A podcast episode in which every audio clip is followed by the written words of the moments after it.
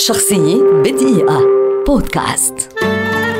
أحمد زكي ممثل مصري كبير ولد عام 1949 وحصل على بكالوريوس المعهد العالي للفنون المسرحية قسم تمثيل وإخراج عام 1973 بتقدير امتياز.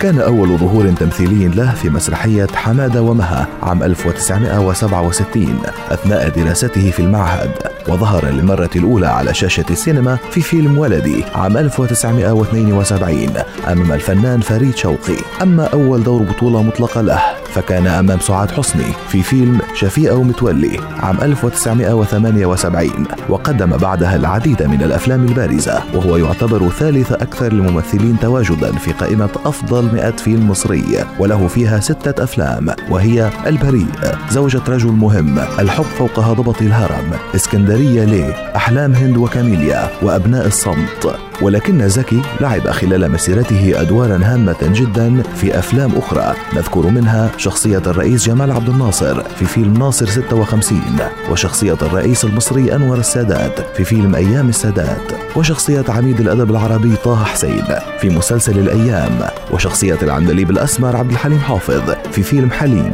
والذي ختم به مسيرته السينمائية الحافلة بالنجاحات والإنجازات والعديد من الجوائز والتكريمات كتكريمه في مهرجان القاهرة السينمائي عام 1990 ومهرجان الإسكندرية عام 1989 رحل أحمد زكي عام 2005 بعد صراع طويل مع مرض سرطان الرئة. تاركا إرثا فنيا لن يمحوه الزمن. شخصية بدقيقة.